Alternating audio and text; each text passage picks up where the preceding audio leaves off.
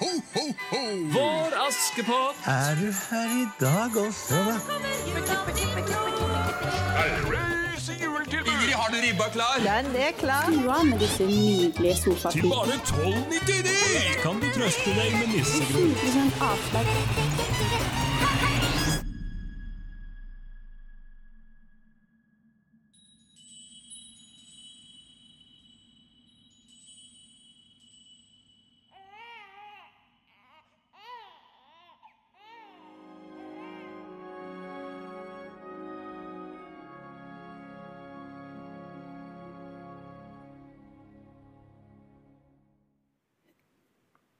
I et eh, annet land, i en annen tid, så har jeg hørt en historie.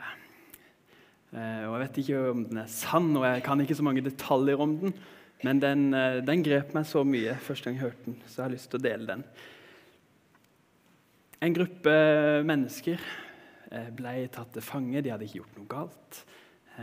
Og de ble holdt som fanger over en lang periode. De ble behandla dårlig, de ble torturert. De var låst inne på et eh, rom satt uten altfor mye tøy på et kaldt betonggulv. Og eh, utsiktene de var ganske dårlige for livet framover. Men heldigvis så var det noen som hadde planlagt en redningsaksjon. Heldigvis var det noen som tenkte på dem og visste hvor de var, og planla å redde dem.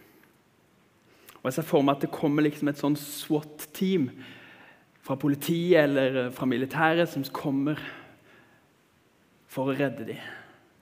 Og De har bana vei, og kysten er klar, og de vet at bak neste dør Der sitter fangene. Og nå skal vi befri dem. Og De snakker litt seg imellom, og de gleder seg litt spente og forventningsfulle og regner med at det blir jubelbrøl, at det blir gledestårer, kanskje en seiersdans. Og de har store forventninger til hva som skal møte dem bak den døra. Og Så får de opp døra, og så blir de møtt av frykt, av mistro og av alt annet enn det de hadde trodd og håpt og forventa. For fangene de var redde for å bli lurt. De var redde for mer tortur. Og de stolte ikke lenger på andre folk. Forfjamsa ser de på hverandre, disse her militære. Og lurer på hva er det som skjer nå. Hvorfor kommer de ikke når vi sier 'kom'? Hvorfor jubler de ikke når vi sier at de er frie? Hva er det som skjer? Og Så går det opp et lys for han ene. Og så legger han fra seg våpenet sitt. Og så tar han av seg hjelmen, tar av seg skuddsikker vest. Tar av seg så han sitter i bare undertøyet på det kalde betonggulvet sammen med fangene. Og så bare sitter han der, sier ingenting. Og så kommer jubelbrølet. Så kommer gledestårene fra fangene. For de skjønner at en som har kommet så nær, en som har ydmyka seg og ufarliggjort seg sjøl på den måten, han må ville oss vel. Han må være glad i oss. I dag skal vi snakke om at Gud ble menneske. En kjærlighetshandling så stor at jeg tror ikke vi klarer å forstå en brøkdel av det engang. Men vi skal prøve. Vi er inne i en serie som heter 'Ingen jul uten'. Og det fins mange gode juletradisjoner. Jeg var på, på bruktbutikken her i Lyngdal eh, tidligere denne uka og så, så jeg et julemagasin fra år 2000. Og Der hevda de at det blir ingen jul uten Daffy Duck. Og da tenker jeg har det gått for langt? Eller er det jeg som har bomma i 27 år? For jeg har klart å feire jul uten Daffy Duck. Jeg er ikke helt sikker på hvem det er, men jeg regner med han er i familie med Donald. Kan noen nikke hvis dere har full kontroll på Daffy Duck? Ja, sikkert i familie med Donald. Men jeg feirer jul i 27 år uten Daffy Duck, og det har gått fint. Og jeg planer om å feire jul uten Daffy Duck i framtida òg. Men vi har våre egne tradisjoner og vi har våre egne ting og faste greier i jula som er bra, og som liksom blir jul for oss. Jeg har vært gift i fire år, og vi feirer jul annenhver gang hos eh, mine foreldre og hos eh, mine svigerforeldre. Så hvis du er god i matte, så skjønner du at jeg har feira jul borte fra mamma og pappa i to år. Og det har gått greit. Men første gangen så var jeg ordentlig bekymra. Og jeg er veldig glad i svigerfamilien. Det, det, har vi på teip nå, har vi ikke det? Så dere vet det. Fint. Um, og kommer godt overens med de, og, og, så ikke mørkt på så veldig mange altså, Det var mye jeg gleda meg til med å feire jul med svigerfamilien min. Men vet dere hva de spiser på julaften? Hold dere fast. Pinnekjøtt. 23 år av mitt liv har jeg spist ribbe på julaften. Det er ikke helt sant, jeg spiste Grandiosa opp til ganske lang alder. Men, men ribbe i, i, voksen alder, da, i hvert fall. Og så plutselig et år med sau. Åh, og jeg er ikke noe fan, jeg skal ikke legge skjul på det. Men vet dere hva? Det blei jul også uten ribbe. For grunnen til at vi feirer jul, og dere vet kanskje det, men det er jo at Gud blei menneske. Hva jeg spiser på julaften, eller om jeg leser Daffy Duck på julemorgen, det er revnende likegyldig for om det blir jul eller ikke den jula. For jul feirer vi fordi Gud blei menneske. I Johannes evangeliet så er det, liksom, det er som om det mangler en sånn eh, Jesus-fortelling der. Det står, liksom, det står liksom ikke om at Jesus ble født. Eller det vil si, det står på en litt annen måte. For Johannes han løfter blikket litt. Og så skriver han i kapittel 1, vers 14 at ordet ble menneske og tok bolig iblant oss. Og vi så hans herlighet, en herlighet som den enbårne sønn har fra sin far, full av nåde og sannhet. Og ordet skriver han helt i starten. Det var hos Gud, og ordet var Gud. Så ordet, det er Jesus, og ordet, det er Gud. Og han ble menneske. Og Jeg har hørt ulike teorier om hvorfor Johannes bruker ordet for å beskrive Gud. Noen tror det er fordi at han henviser til skapelsesberetningen der Gud helt tydelig bruker ord. Sine ord for å puste liv inn i ting. La det bli lys, sier han, og så blir det lys. Det er liv i ordet. Andre, eller kanskje til og med de samme, for det kan jo funke på flere områder, på flere plan, tror at ordet er en eh, altså er målretta mot grekerne, som Johannes skriver til. De som ikke var jøder. De som ikke trodde på Israels gud da dette ble skrevet. Men som allikevel trodde på en slags fornuft, en logos, et ord, en slags verdensorden. Og så er det dette han sikter til. Men aldri før har noen sagt at ordet, enten det er Gud eller det er en verdensorden, blei menneske. Dette var helt, helt nytt og ganske radikalt på den tida. For å skjønne mer av hvor enormt dette er, så skal vi gå til Gamle testamentet. Til eh, utvandringen av Egypt. Og Israelittene er nå på flukt. Eh, de er på vandring gjennom ørkenen, en vandring som skal ta 40 år. Jeg håper de visste det før de la ut på vandringa. Da tipper jeg de hadde snudd. Men de gode nyhetene er at Gud han har lovt å være med. I 2. Mosebok kapittel 25 så taler Gud til Moses på Sina i fjellet. Og Han sier til Moses at israelittene de skal lage en helligdom for meg, så jeg kan bo iblant dem. Wow! Gud lover å bo iblant israelsfolket. Etter at jeg viser deg i mønsterbildet for tabernaklet og mønsterbildet for alt utstyret i det, slik skal du lage det.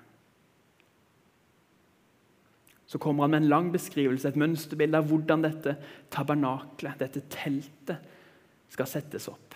Hva som skal være inni, mål og alt mulig. Og så skal Gud ta bolig iblant folket. Og Så hopper vi fram 15 kapitler. For de var jo bare mennesker, disse israelittene, og det tok lang tid både å få hodet på rett plass og å få bygd dette tabernaklet. Men i kapittel 40 da er det klart. Og så står det helt på slutten av andre Mosebok Så dekket skyen telthelligdommen, og Herrens herlighet fylte boligen. Moses kunne ikke gå inn i telthelligdommen fordi skyen hadde tatt bolig over den, og Herrens herlighet fylte boligen. Så Gud han har også tidligere kommet nær. Med sitt nærvær, med sin herlighet, med sin hellighet.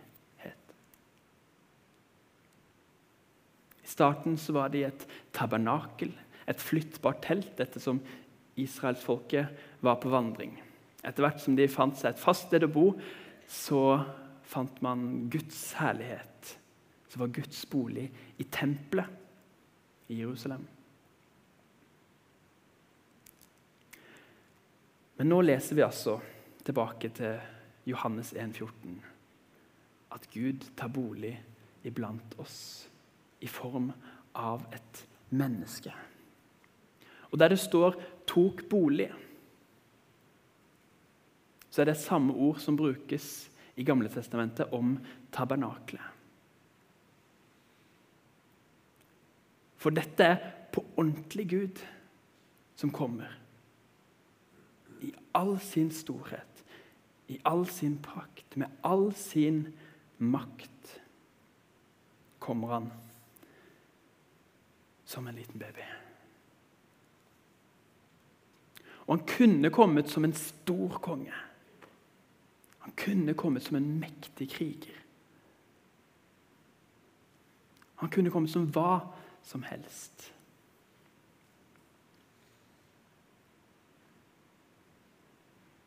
Men kanskje hadde det skremt flere enn hadde fått etterfølgere. Kanskje hadde vi sittet igjen på betonggulvene våre og ikke visst helt om vi skal stole på dette. Men han kommer som en liten baby. Ufarliggjort, ydmyka. For å skape tillit og for å vise sin kjærlighet. For en som velger å komme ned. Som et menneske. Fra Gud til menneske. Kontrastene kunne ikke vært større. En som velger å gjøre det må ha en enorm kjærlighet til de han gjør det for. Og det det er oss.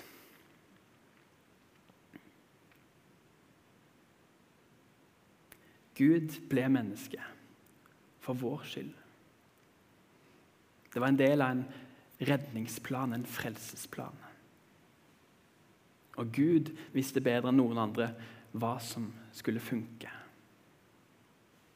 Og jeg har tenkt med meg selv, Hvorfor gjorde du det ikke litt annerledes? liksom? Kunne gjort det litt tydeligere. Kunne vært litt tydeligere opp gjennom hele prosessen. Men Gud visste hvordan han skulle skape tillit. Gud visste hvordan han skulle vise kjærlighet. Og han gjorde det ved å bli et menneske. Den minste av de alle. Og så er det en kjærlighetshandling i seg sjøl. Men så har han også gitt oss et forbilde.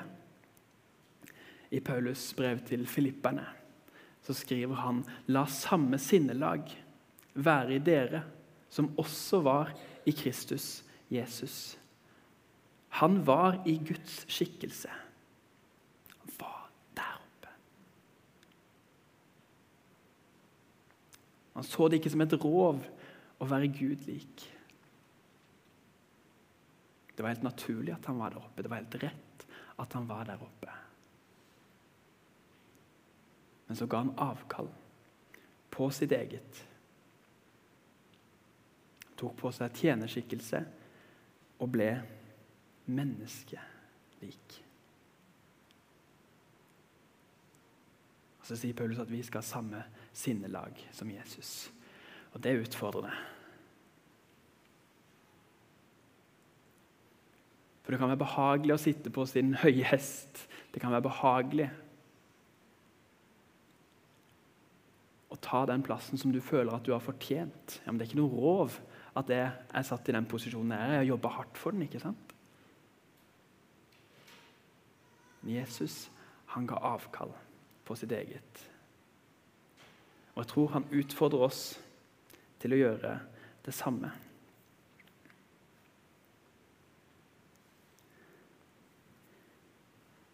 Det er ingen jul uten at vi minnes at, Jesus, at Gud ble menneske, at Jesus kom til vår jord. Det er derfor vi feirer jul.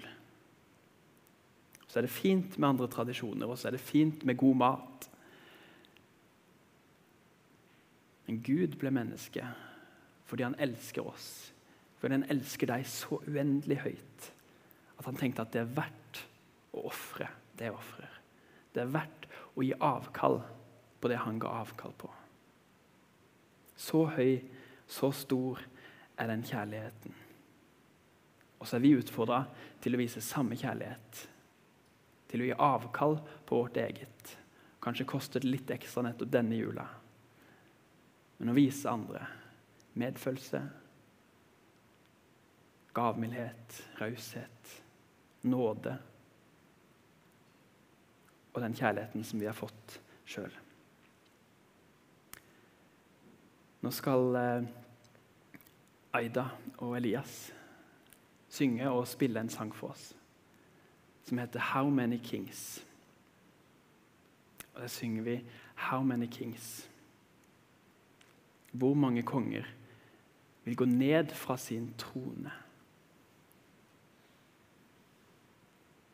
For meg. Og det er bare én som har gjort det, og det skal vi få høre på nå. Så vær så god, og så skal vi be en bønn.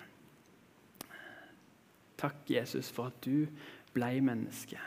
Takk for at du ofra det du ofra. Ga avkall på det du ga avkall på, for vår skyld. Hjelp oss til å forstå mer av det. Og hjelp oss til å ha deg som forbilde, og til å gi avkall på det vi trenger å gi avkall på for å se menneskene rundt oss. Amen.